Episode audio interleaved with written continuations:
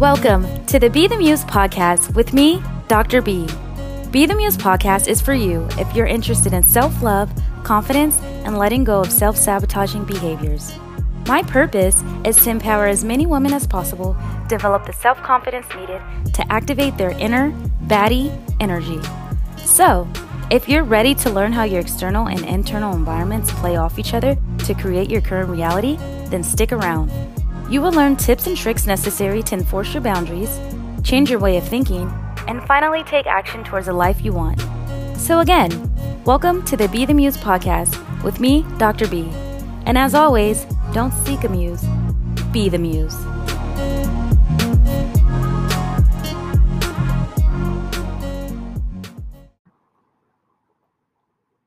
Hello, welcome to my channel, Be the Muse with Dr. B. Um, thank you for being here. This is actually the first episode since I've relaunched the podcast.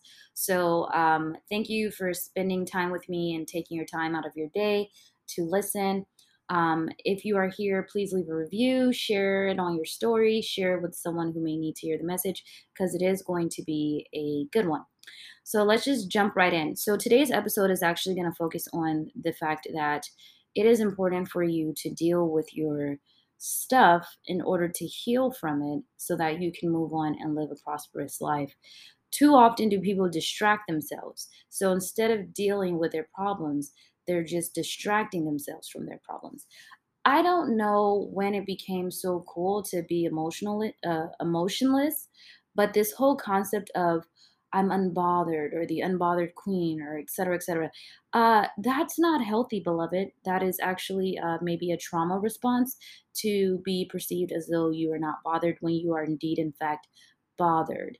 Now, you don't have to let people know that they ruffled your feathers, but you do need to deal with your feelings and process how you feel. Because what happens is people spend a lot of their time, and this may be you. If this is you, don't feel bad. Just, you know, take time to self reflect oftentimes when you're going through something, whether you're dealing with past childhood trauma, whether you're dealing with current traumas, whether you're dealing with just big life transitions that are really knocking you off your path, uh, it becomes overwhelming. You get these feelings of exhaustion, anxiety. Uh, sometimes you can get feelings of depression, um, confusion. You feel like you're isolated. You feel misunderstood all of these different icky feelings. So, what do we do in good millennial Gen Z generation tradition? We let the world know that we're unbothered. We're going to go out and take the world by the horns. We're going to party every weekend. We're going to be drinking and, and acting as though nothing is going on. We're probably going to engage in a lot of risky sexual uh, behaviors. We're going to probably smoke or engage in other drug usage different ways to um, you know soothe your physical emotional psychological pains instead of dealing with it.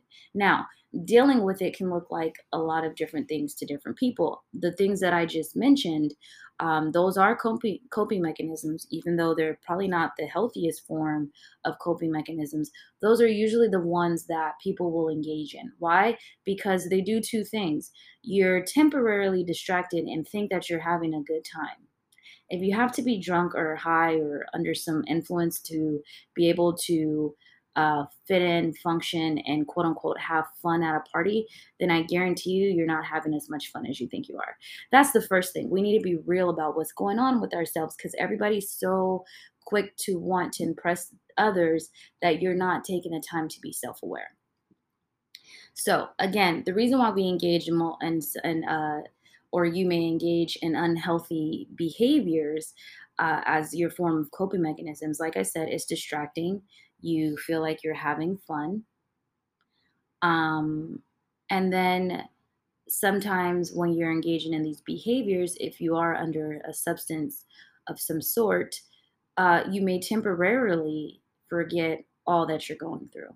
What happens though is after you are back in your normal sober state of mind. After the lights dim, the party's over, you're back home, you're by yourself, you're left alone to have to fend for self and be left with your thoughts. It can become overwhelming because you're not giving yourself the permission to deal with what is going on in your life. You're acting as if it's not happening. You don't want to talk about it. You feel like if you do talk about it, it's either going to be dismissed or people won't understand you or you won't be accepted or people are going to give you the left eye. You may be um, feeling remnants of humiliation because of whatever happened. But let me tell you something you need to get help if if you know if you have the ability if you have the health insurance and all that to be able to seek therapy you you can do that you should do that i definitely recommend therapy at some point in everyone's life it uh, therapy is not something that's meant to be a permanent solution but it can help you look at things from a different perspective and then offer you different uh, coping mechanisms that may be a little bit more healthier than some of the ones that you have adapted as a form of survival.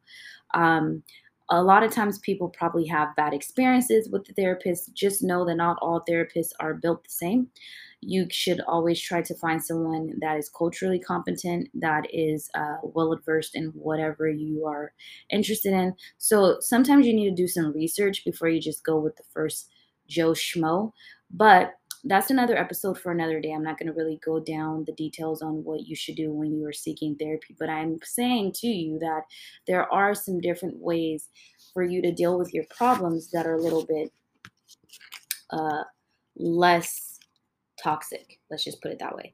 Um, or you can invest in a coach. So for me, I am a confidence coach slash mindset coach. So basically, what I focus on doing is I help my clients really look at how their external environment, the people that they have in their lives, things that they engage in, the type of material that is letting are being allowed to penetrate their subconscious, we look at how all of that is playing into their internal environment and how that is literally creating their reality.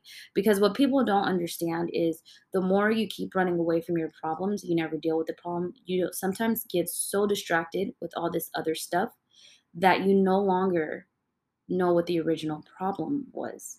And this is why sometimes if you don't have a good therapist and you go to therapy, you feel like it didn't work because you go in there with all these superficial um, top layer issues and that's not the real problem so this is what happens sometimes you get into a cycle of this terrible thing happened. I don't want to think about it. I don't want to deal with it. So, what am I going to do? I'm going to distract myself because I am so unbothered and I pride myself in not having feelings. So, then you know, you pick your poison. You go party every weekend, you're drinking every weekend, you're, like I said, engaging in different sexual behaviors every weekend, whatever the case may be. Let's just say that you're doing it so much so and you're experiencing so much pain from probably multiple situations that are that um, you have been um, exposed to. So now you're like in overdrive trying to distract yourself. So then this is when vices and addictions form. You know, there's a lot of young people these days. When I say young, I mean like mid 20s, early 30s, who, and even sometimes younger, who have who are literally on the verge of becoming alcoholics because it goes from being a social thing where I'm going out, I'm in college, or I'm not in college, I'm just going out, taking a couple shots to I'm doing this all the time now because I don't want to think about my problems. So then now, on top of the original problem that I was running from, I'm borderline, you know, probably developing an addiction that I wasn't anticipating having to deal with, especially not, you know, like no, that I, I'm, I'm. The first thing is you're you, you're in denial sometimes about how serious these things are. And then once you do realize that, okay, this is a little bit more serious and it is a little bit more out of my control, now you have developed more of a problem than what the original problem was. So now, on top of your original trauma, with your coping me- mechanism of choice that was uh, not the best thing for you to be engaging in frequently, now you have to deal with the ramifications from that problem. So now you're having this one, you know, situation spiral and now it's causing all these other situations. Also when you are you know under the influence and doing it frequently and being around sketchy people and thinking that they're fun um you get exposed to a lot of BS. So now you're dealing with gossiping, maybe fighting. Um, you're around questionable people that are bringing physical and emotional harm to you. So on top of again the original traumas that you never dealt with, you're you're you're you're just collecting trauma collecting trauma, collecting trauma, collecting trauma. And then on the surface, you just keep telling everybody, including yourself, I'm unbothered. Let's stop. Let's take a minute right now. Let's take a minute right now. It is okay to be bothered. You're human, you have emotions. Sometimes your emotions can be used as warnings to let you know hey, something isn't right. Sometimes your emotions are, are acting as a form of intuition that this doesn't really sit well in my spirit right now. Okay? Now, I say sometimes because sometimes your emotions can be a little bit irrational, and that's why it's important to self reflect. You don't have to make uh, big decisions or do things when you're in a very, very heightened emotional state uh, because that can cause you to do things that you may later regret. But at some point, you do need to sit in whatever you're feeling, whatever you're experiencing. And if it's something where you need help, try to get the help. If you have one friend, one, it doesn't have to be all of your friends. If you have one friend that you trust and that you feel like, hey, if I go to this person, I feel like they probably won't judge me and they'll be able, if they can't help me themselves, they'll at least be able to point me in the direction of where I can go to get help. That's the thing. That's another thing. If you have a lot of friends, but you have literally no one that you can have that those types of conversations with, then you don't have friends.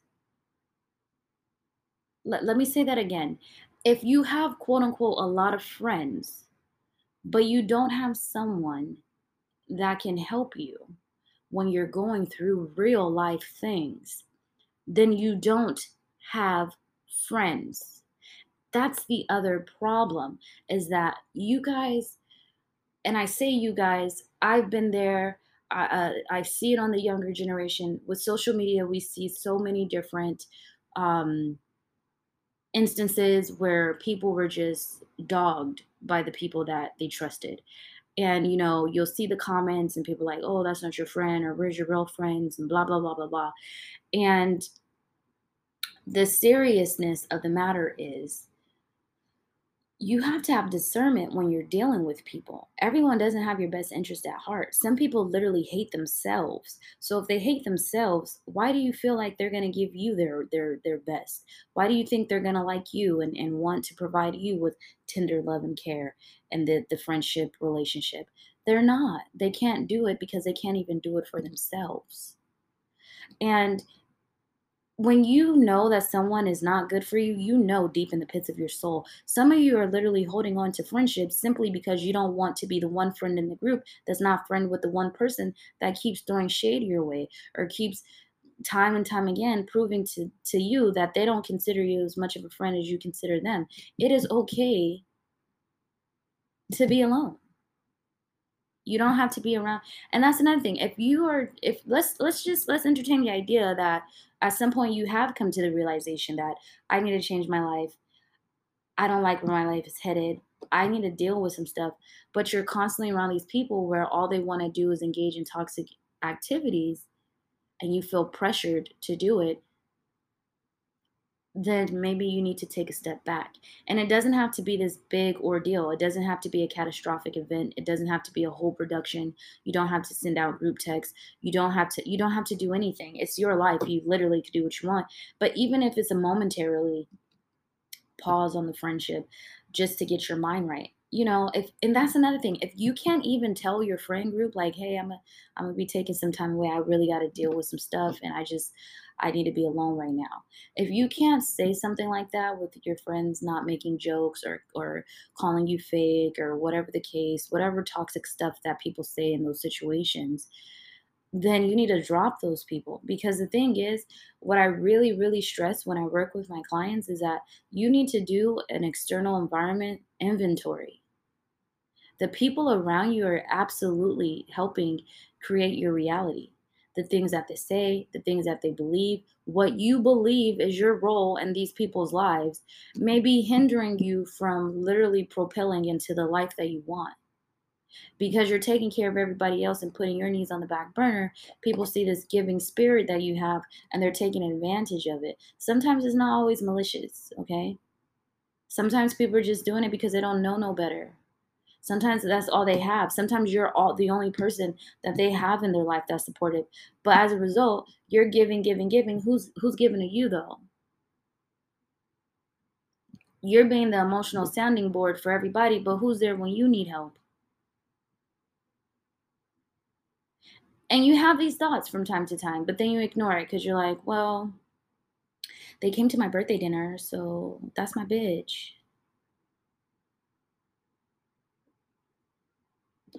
Oh, she just sent flowers to my house to my job for my birthday. That's my girl. Listen, it takes a lot more to be a good friend. I'm going to tell you that right now. Than to just show up for social gatherings. Because you can be in a group of people at a social gathering and feel alone. You could be with a group of people at a social gathering and be the punching bag of the group, the butt of all the jokes on the opposite side uh, of all the side eyes and, and small whispers. If your friends are constantly talking down on each other, to each other, behind each other's back, I guarantee they're doing it about you, and those are not your friends. Why do you want to be around people like that? Why do you want to be around someone who I can't even tell you what's going on in my life because you're just going to make it into a gossip reality session the next time you see another group of our friends when I'm not in front of y'all? I digressed a lot because this wasn't an episode about friends, but that can be a whole episode. But I'm just saying, stop trying to be unbothered and, and save face and actually deal with your feelings. You don't have to do this in front of other people, but you got to stop lying to yourself about your feelings and get and, and and deal with them the way that you need to deal with them because if not you're going to keep putting yourself in situations where you're attracting the same type of hurt because you never dealt with it to know how to manifest and, and maneuver and, and do things differently. Right? So, for example, and I had a um, video uh, that I made about this, and it was so heartbreaking because I had a lot of like teenagers and 11 year olds commenting on that video telling me that they resonated with it. And it's, it's just so sad to know that that these babies are hurting like this. But basically the video was talking about how you know if you don't process your trauma you keep attracting the same type of hurt unintentionally. Sometimes intentionally most of the time it's unintentionally. So for example um let's say you grew up in an abusive environment. So either you were being physically abused or you were watching someone be physically abused. And so, um, let, let me just give an example. And this is a trigger warning. But if you were grow- growing up in an abusive situation, right, as a child, and then you get in a relationship with someone and they start physically abusing you it may take you longer to realize that this isn't right. Like you know at the core of your being, because you know, as a, a general rule of thumb, people shouldn't put their hands on you. But internally, subconsciously, you have possibly came up with the, the um, conclusion that oh that's just how men show their love because uh, my mom's boyfriend used to beat on her, or my mom used to hit me, and then they would do something really nice afterwards and say, I'm sorry that I had to do that to you. This is going to hurt you more than it's going to hurt me. Whatever BS that abusers say. So it takes you longer to really realize what's going on because you have internalized that abuse equals love.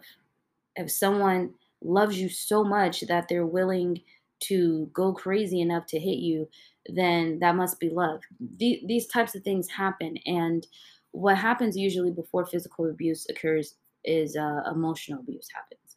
And a lot of people were brought up in emotionally abusive situations. They they uh, I feel as, as a community we don't talk about emotional abuse from our parents enough.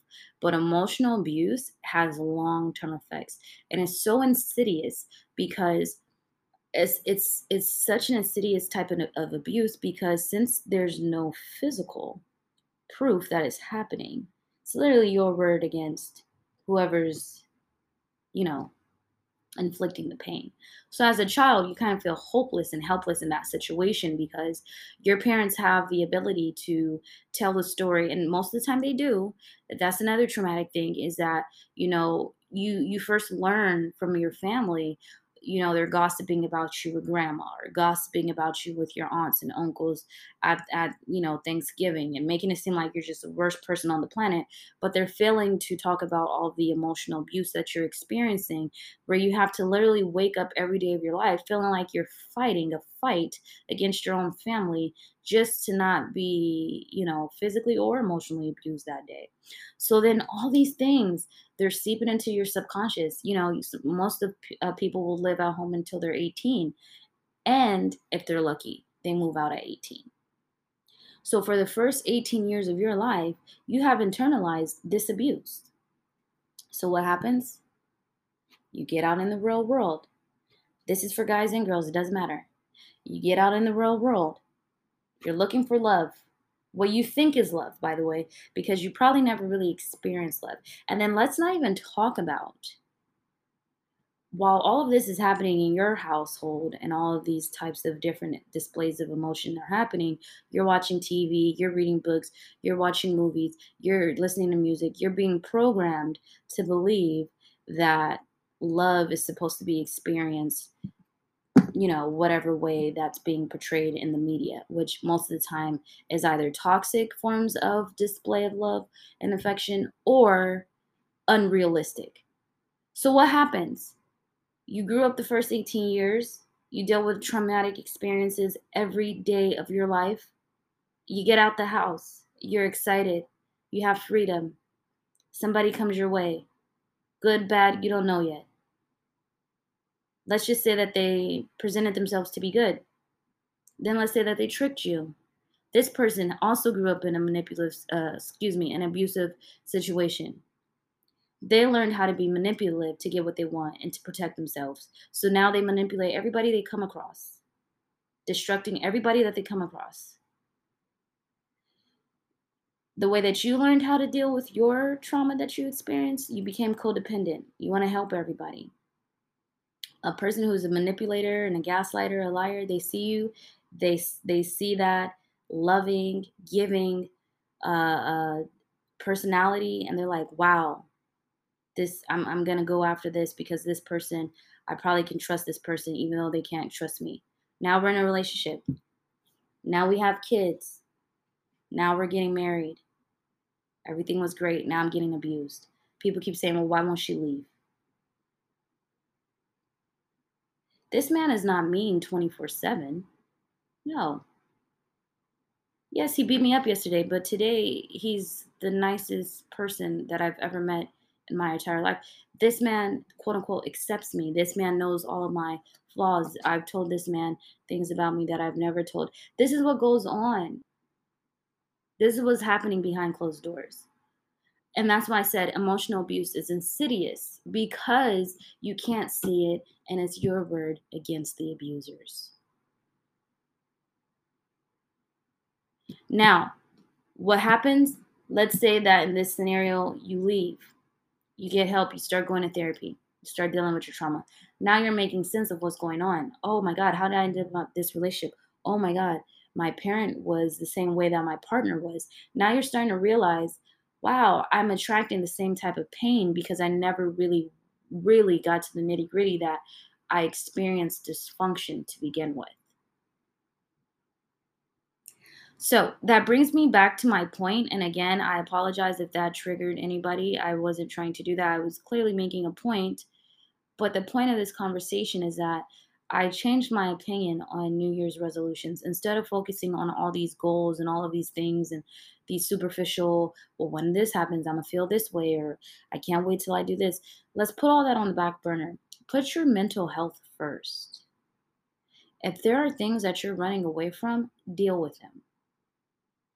If you feel like you need to speak to a therapist, find a therapist. If you don't have um, health insurance or anything like that, sometimes your job may offer EAP where they give you a few sessions for free. You can always inquire with your job. Some therapists have sliding scales based on your income. You know, you just got to go out there and do some research and figure out what you need. But I really, really invite you to consider taking care of your internal environment this year. Who cares about what's going on, the outside? I, I don't care about your car. I don't care about uh, what job you got, the relationship you just started, uh, if you move to a new location. Then none of that matters if you're not okay inside. Even if it's as small as starting to journal your feelings instead of keeping them bottled up. Even if you're like, you know what, every time I get sad, I'm not just going to run and start drinking. I'm going to try to process these feelings and write them down. You know, anything. Try to really focus on your internal environment and and becoming okay with yourself by yourself too many of you rely on other people to validate you to then make you feel whether you're worthy or not. Forget those people. For lack of better words, forget those people. Their opinion of you doesn't matter. What they say behind your back, because they're probably talking about you behind your back anyways, it doesn't matter. What matters is you. What matters is how you see you. What matters is how you feel about you. So if there's goals that you're wanting to accomplish, but you feel like you're not ready because you got to get out your own way, then work on getting out your own way. If you need help, get help. You do not have to do this alone. You do not have to be the strong friend all the time. It is okay to seek that help. And if this episode resonated with you, please go ahead and share it on your story, share it with someone who needs to hear it. Please feel free to DM me on Instagram my Instagram handle is at Dr. B Coaching. Dr. B Coaching, B E E B. Um, but yeah, feel free to DM me. If you're interested in my services and how I can help you, then you can definitely inbox me about that as well. But I really want you guys to focus on getting help and really taking care of your internal environment because without taking care of your internal environment, whatever is going on on the outside really means nothing. And only you know that. You know, uh, some people are really good at faking how they really feel. So really, really, that that's what my, you know, invitation for you to consider for 2022 is. And with that being said, thank you for listening to this episode. I hope that I didn't offend anyone. That was not my intentions. Um, and if you do feel some type of way, please let me know because I, I do uh, not want to make anybody feel any type of way based on anything that I've discussed today. Uh, but thank you for being here. Um, and until next time, don't seek a muse, be the muse.